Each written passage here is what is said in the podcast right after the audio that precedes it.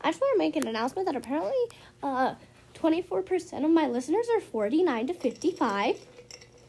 Uh, and the and another 12% of my listeners are 39 to 44. I don't know if it if if, if it's just me, but isn't that a, just a tad bit worrying?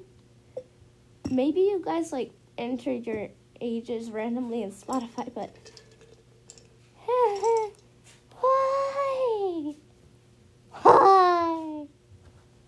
why?